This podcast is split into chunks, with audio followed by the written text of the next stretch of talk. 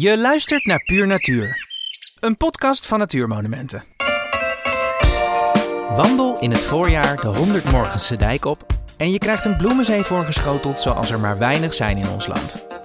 Boswachter Lianne Schreuder vertelt ons alles over dit herstelde gebied aan de rand van Den Bosch. Lianne, om te beginnen, kun je jezelf even voorstellen? Ja, nou Frans, ik ben eh, Lianne Schreuder. Ik ben eh, coördinator natuurbeheer bij Natuurmonumenten natuurlijk. En eh, ik werk in de prachtige beheereenheid Noordoost-Brabant en Rijk van Nijmegen. En waar heb je ons op deze prachtige voorjaarsdag mee naartoe genomen? Eh, ja, we lopen hier nu over de 100 Morgense dijk in de Vughtse gemeente. En de naam zegt het al, dit ligt ten noorden van Vught en ten zuiden van Den Bosch. En we zitten hier ja, een prachtig Natura 2000 gebied waar met name de blauwgraslanden hoog in het vaandel staan. En waarom heb je ons hier mee naartoe genomen? Nou, we hebben hier ehm, ja, een aantal jaren geleden een, een, gro- een groot project eh, gedraaid. Wij niet alleen, maar ook met provincie en waterschap en dergelijke. En de Staatsbosbeheer, wie onze buren hier ook zijn. En binnen dat project hebben we gezorgd dat er veel meer ruimte kwam voor die natuur. Het was landbouwgrond en een groot deel daarvan is afgegraven en omgevormd om ruimte te geven juist aan die blauwgraslanden. Met als kers op de taart een prachtige vlinder pimpernel blauwtje. Maar nou eerst eens even over die blauwgraslanden. Ja, Wat zijn dat? wat zijn dat? Ja, ze zijn niet helemaal blauw zoals je misschien zou Nou verwachten. ja, Maar de naam komt niet eh, zomaar ergens vandaan.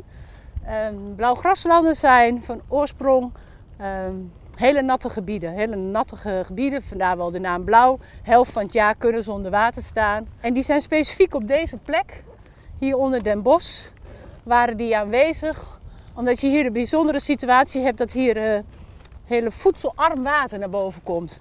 Je hebt hier ten zuiden de Loonse Drunense duinen.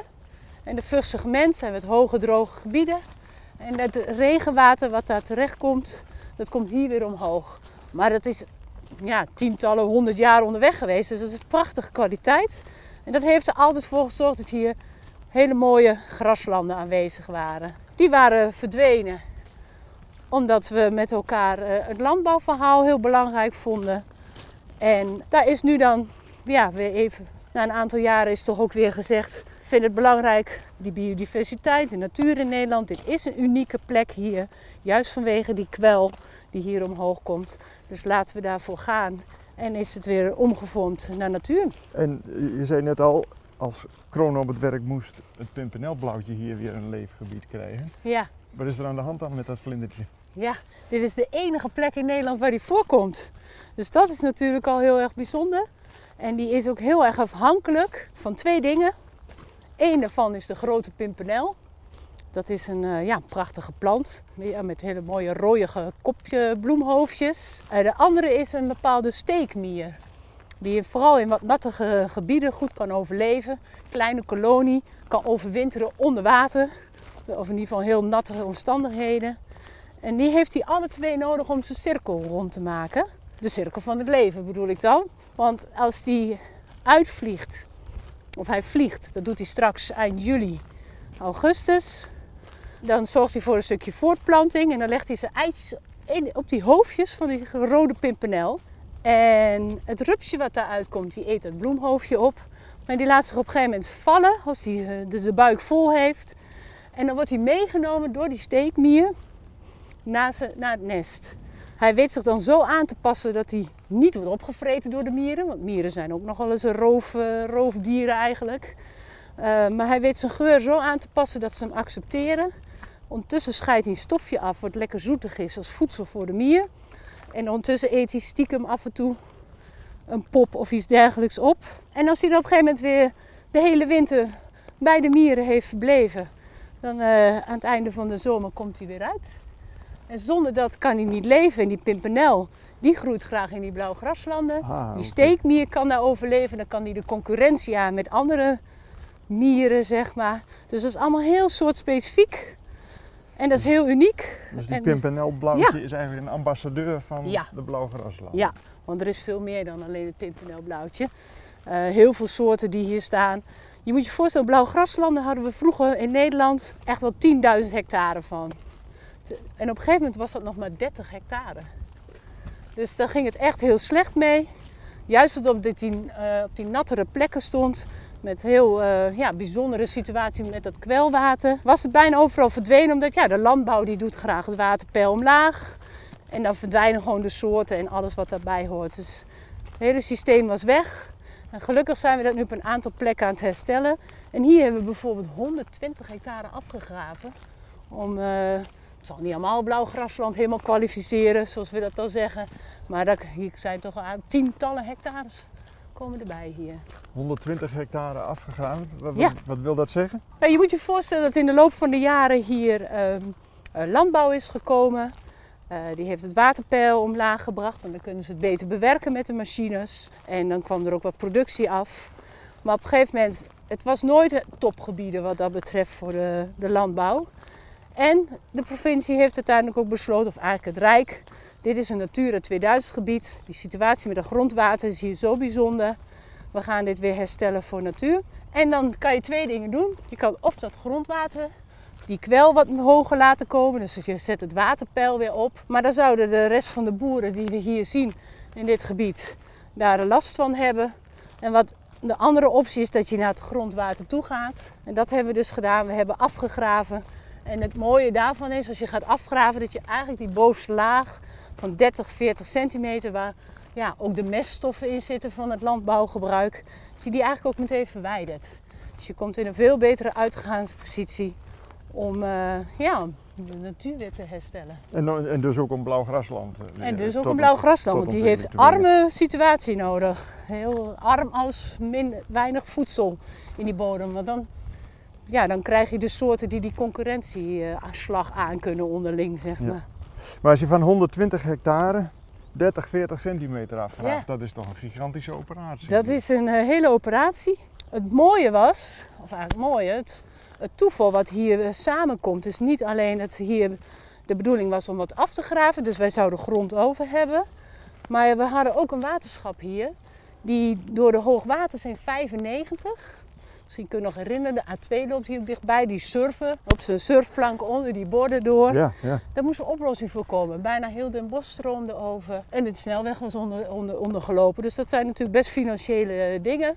Dus er moest een oplossing voor komen in het kader van waterberging. Om water te kunnen bergen heb je vaak een kader nodig, waarbinnen dat water opgesloten wordt.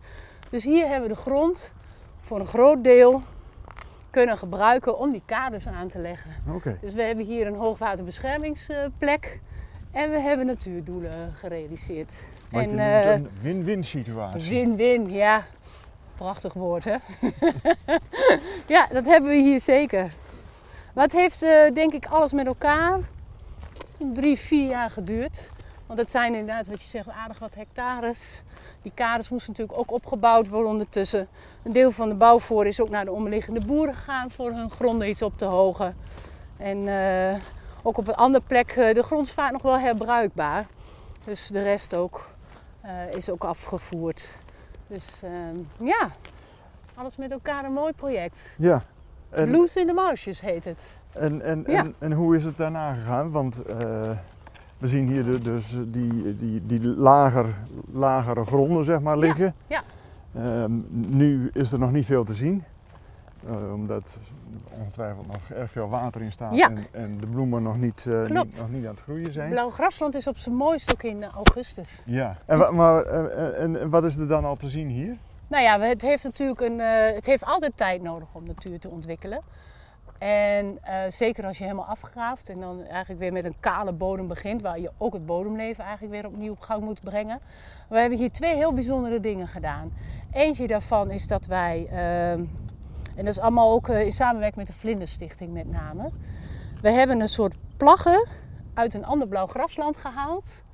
En die hebben we hier ingebracht. Ook al voor onderzoek, wat doet dat nou? Want met name zo'n steekmier, die willen al graag een beetje variatie in vegetatiehoogte daar gedijt hij het beste. Dus kunnen we dat proces een beetje versnellen. Want die pimpernel blauwtje waar hij tot nu toe zat is anderhalf hectare. Is super kwetsbaar als daar iets mee gebeurt. Dus we hadden een soort 5 voor 12 situatie hier. Uh, dus we hebben wat plaggen ingebracht. Natuurlijk niet helemaal dekkend, maar gewoon op een aantal plekken om En eh, ja, wat organisch materiaal, eventueel een mier al mee te nemen en eh, wat eh, zaadplanten. En wat we daarnaast nog hebben gedaan is dat we maaisel van andere blauwgraslanden hebben gehaald. eh, wat passend eh, hier in deze regio is. En dat hebben we uitgestrooid. Dus in plaats van dat je zaad opbrengt, hebben we eigenlijk maaisel opgebracht. En ehm, je doet daarmee twee dingen. Je brengt natuurlijk zaad in. Eh, als je op het goede moment hebt gemaaid in ieder geval, dus dat is gelukt. En de andere is dat je meteen heel erg het bodemleven op gang brengt. Er zitten al insecten in. Je hebt organisch materiaal, wat heel belangrijk is om in je bodem te hebben voor de doorwatering en alles. Dus dat alles met elkaar heeft het proces hier denk ik wel sneller gemaakt dan normaal zou gebeuren. En we zien nu het resultaat. Het is, eh, ja, je, nu misschien even niet, maar, Nee, maar schets, maar je schets ziet wel hoe de variatie er al in. Moet je kijken hoeveel kleuren groen en bruin we al zien. Ja. Dat is al, eh, hè? En wat zien we dan straks als we hier in augustus terugkomen? Ja, nou wat je straks eerst in het voor, voorjaar ziet. Ik wil toch eerst even wat we zien, maar ook wat we horen. De veldleeuwerikken. Die zijn hier in ieder geval al massaal teruggekomen. Dus kijken naar dit gebied. En we hebben ook aansluitend bijna het Vlijmensven. Dat is wat meer richting eh, Nieuwkuik. Ja, je hoort hem. Ehm, die zijn met eh, 50 broedparen aanwezig. Nou, dat is al heel uniek. Het was hiervoor maisland grotendeels. Ook wel graslanden, maar allemaal veel intensiever. Dus ehm, we, hebben, eh, nou ja, we hebben in ieder geval de veldleeuwerik hier volop terug, wat erg mooi is. En die hoor je vooral in het voorjaar. Die hoor je vooral in het voorjaar. Dan hangt hij in de lucht. En dan af en toe dan dwaalt hij af als een parachute om de vrouwen te imponeren. Dus ja, heel mooi. Het is een grondbroeder. En we, daar, hij doet hier ook goed omdat wij natuurlijk niet vroeg gaan maaien. Ik vertel het, het, het bloeit eh, straks in augustus. En dan gaan wij maaien, na die tijd. Na de bloei. Na de bloei, ja. En ehm, we moeten wel maaien trouwens, want anders, de, de, de- je ziet wel, er staat nog wat bossage omheen, dus er, komt ook best veel zaad in van een berk en van een zwarte els. Dus als we niet maaien, krijgen we bos. Eh, dus dat de beheer is altijd nodig in ieder geval. En als je dan kijkt naar de planten, straks in het voorjaar zijn sommige velden helemaal paars van de orchideeën.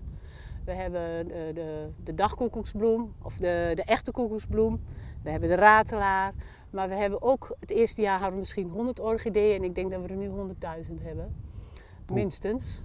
Eh, op al die hectares natuurlijk. Ja. Maar die doet het heel goed. Dat betekent dat de omstandigheden ook goed zijn. Die zijn niet eens zozeer echt met het maaisel meegekomen. Eh, maar die doet het hier blijkbaar heel goed. Dus dat is al heel leuk. Dat is altijd wel een mooie, dankbare soort die ook laat zien dat de omstandigheden goed zijn. En dan later in het jaar, ja, dan komt er van alles tot bloei. En dan heb je twee dingen die heel kenmerkend zijn voor je blauw grasland. Eentje is de blauwe knoop. Daar komt de naam ook een beetje vandaan, blauw grasland, denk ik. Die heeft altijd een paar jaar nodig om zich goed te vestigen. En dan na drie jaar of zo, denk ik dat we na de afloop hadden we echte bloeiende blauwe knopen. Heel mooi klein fragiel bloempje eigenlijk. Maar die hoort er wel echt bij. En ja, natuurlijk de grote pimpernel, die bloeit ook pas in eh, juli, augustus. Anders zou de vlinder dan niet vliegen, zeg maar. Dus dat zijn wel hele mooie soorten. Ja, en we hebben ook Parnassia, we hebben een uh, klokjesgentiaan, we hebben vloozeggen. Daarvoor moet je op je knieën. Maar dat zijn wel de soorten die bij je blauw grasland horen. Dus ja, daar zijn we, wel, daar zijn we eigenlijk nog blijer mee dan een, uh, dan een orchidee. ja. Dus dat heeft heel goed uitgepakt, die Ja. hele uh, Ja. hersteloperatie. Ja, ja. en ook, ook wel wat sneller dan we hadden gehoopt. Ehm, dus we zitten al volop in het beheer, eh, ook richting eindbeheer. Af en toe zullen we nog wat moeten ingrijpen, wat ik zei, in de houtige gewassen. We hebben nu een beetje, ja, een beetje in, de, in de gaten hoe het werkt met het waterpeil. Want we moeten er natuurlijk op een gegeven moment ook bij kunnen om te kunnen maaien in dat najaar. Dus ja, dat begint steeds beter eh, vorm te krijgen, ook voor onszelf. Het ontwikkelt nog enorm door, er zitten nog heel veel kale plekken in. Dus er is echt nog ruimte voor meer ontwikkeling. Uh, maar het gaat goed. En we hadden volgens mij twee jaar terug hebben we een inventarisatie hier gehad. Uh, dat doen we vanuit Natuurmonument zelf natuurlijk om te kijken hoe gaat het ook. Maar ook een stukje verantwoording uh, die we moeten afleggen. En daar hebben ze gewoon op een stuk van 3 bij 3 meter, dus dat is zo'n 9 vierkante meter, hebben ze gewoon 88 soorten ontdekt. Planten. 88. Dat uh, hebben, staan we op nummer 1 binnen Natuurmonumenten. Kijk. Nou weer En daar zijn we natuurlijk wel heel trots op. Ja. Eh, Ja, moet je je voorstellen. Ik ga maar eens staan en trek zo'n cirkel om je heen. En dan staan dan 88 verschillende soorten. Op 9 Ja, vierkante meter, ja. dat zijn er wel heel veel hè? Als je het dan hebt over biodiversiteit, dan is dit wel een plek eh, waar het aanwezig is. En dat maakt een blauw grasland ook uniek. Er zit gewoon heel veel soorten in. En met die biodiversiteit aan planten heb je diversiteit aan insecten. Ja, en daar komt je veldleeuwerik weer op af en andere soorten. Dus ja, Ja. Prachtig. Ja, want, want j- jullie inventariseren eh, dan de plantenrijkdom, maar inv- Mhm. inventariseer je ook de insecten? Ja, ja, vooral de vlinders dan natuurlijk. Eh, de Vlinderstichting is nog steeds enorm betrokken bij dit eh, project.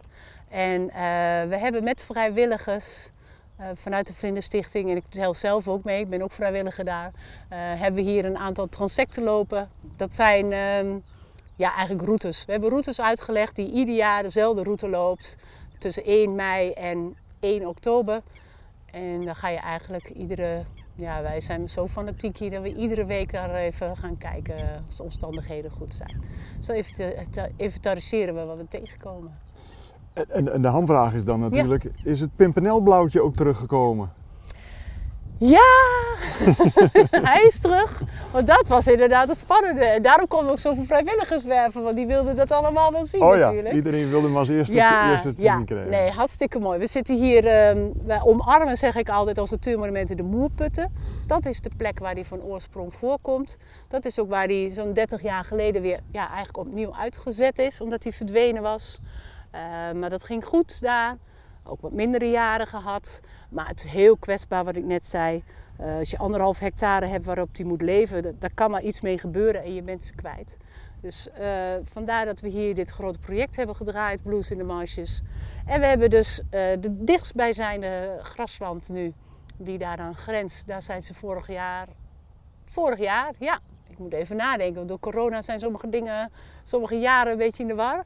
Maar vorig jaar hebben we het ontdekt, voor het eerst de vrijwilligers, ook ei afzettend. Dus we zitten allemaal vol spanning te wachten wat er straks in juli, eh, augustus op dat perceel gaat vliegen. Ja, ja, Ja, ja. dus dat is wel heel, heel leuk, ja. En, en dus, er zijn- is de champagne uit de koelkast gehaald natuurlijk. Ja, dat kon niet. Het Oh. was corona. ik, maar ik, eh, ik hou hem nog te goed, zeg maar. Dat gaan we echt nog wel een keertje vieren nu.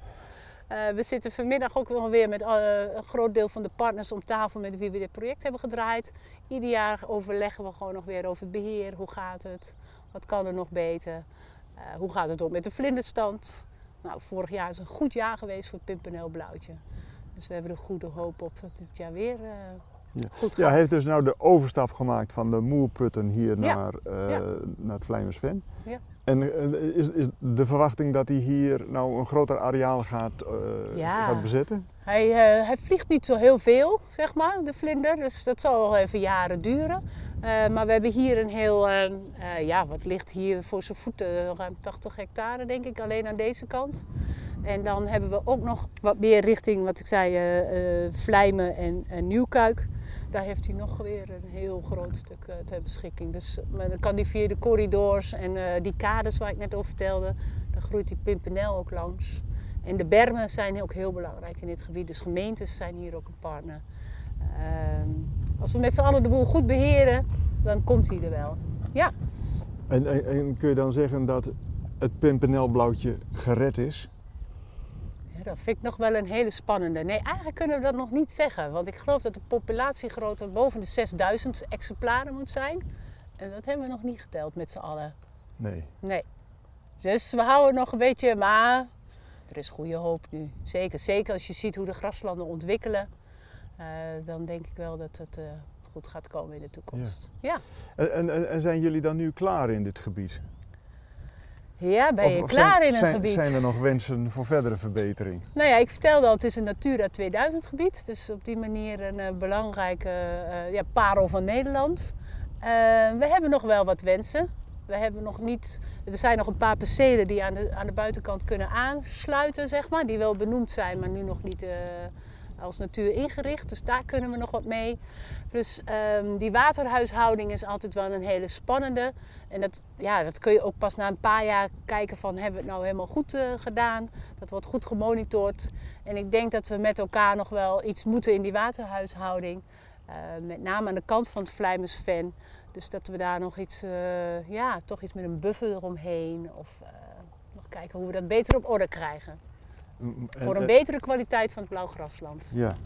En ook nog meer blauw, blauw grasland eh, creëren? Nou ja, wat ik zei, er zijn nog een paar perceeltjes die we kunnen toevoegen. En dan, eh, nou, dan hebben we wel een heel robuust gebeuren hier, zeg maar. Eh, Ja. We gaan niet heel Nederland in het blauwgrasland leggen. Nee. Oh nee? Kan ook helemaal niet. Overal orchideeën, Nee, dat zou ja. wel wat zijn, ja. Ja, ja, ja, maar daarvoor heb je niet per se blauw grasland nodig. Nee.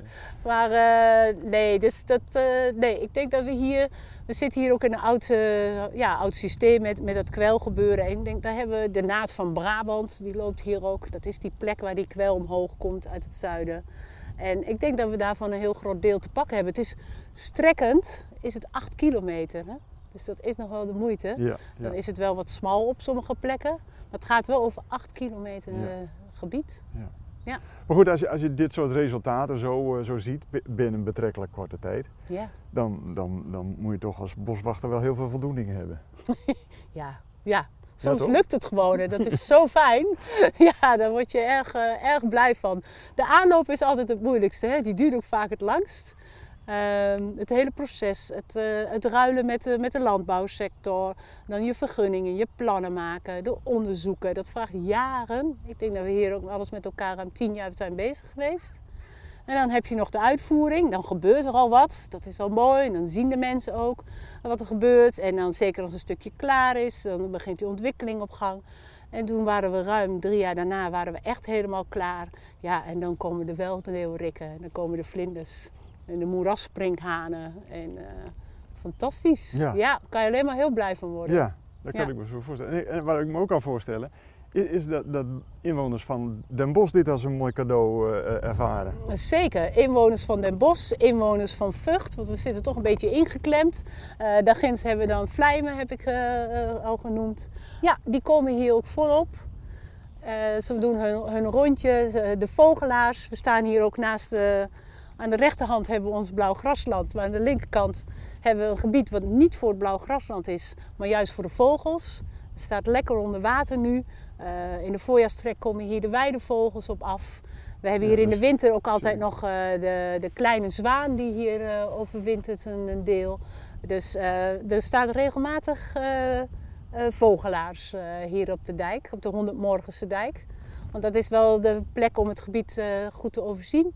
We hebben ook wat wandelroutes. Maar het blijft een kwetsbaar gebied. Heel van het jaar staat ook gedeeltelijk onder water, dus dan loop je er ook niet graag. Maar voor de rest eh, komen mensen graag voor. Ja, het is wijd. Kijk maar, het is een heel wijds uitzicht wat je hier hebt. Ja. En dat vind je in de stad niet. Dus die zijn blij om hier eh, even naar buiten te kunnen. Ja, kan Ja. ik me voorstellen. En ook de mensen in het ziekenhuis. Hè. We zitten hier wel eh, bij het ziekenhuis van Jeroen Bos. En die, eh, als jij een, op een kamer ligt wat uitzicht hier heeft, volgens mij ben je dan zo weer het ziekenhuis uit. Ja, maar dat is nou met zo'n uitzicht nou net niet wat je wil natuurlijk. nou, daarom bouwen ze er nu ook naast. Dat is een ander verhaal. Maar dan kan je gewoon permanent vanuit je Ja. appelt een beetje naar buiten kijken. Ja. Ja, Nee, maar dat, dat sch- schijnt te werken hè? als je uitkijkt op natuur. hartstikke dan- bewezen. Dan, dan herstel je sneller. eh. Minder pijnstillers heb je nodig en je herstelt Ja. gewoon sneller. Ja, goed is dat hè. Natuur is goed voor iedereen. Ja. Ja. Hey, dankjewel. Graag gedaan. Je hoorde Frans Boscher in gesprek met Lianne Schreuder. Ben je op zoek naar de wandelroute of meer informatie over het Vlijmensven? Kijk dan op www.natuurmonumenten.nl slash Vlijmensven. Wil je geen aflevering van deze podcast missen? Abonneer je dan in je favoriete podcast-app. Wil je meehelpen de natuur en het culturele erfgoed in Nederland te beschermen? Kijk dan op www.natuurmonumenten.nl slash word lid. Bedankt voor het luisteren naar deze aflevering van Puur Natuur. En tot snel in een van onze gebieden of in je koptelefoon.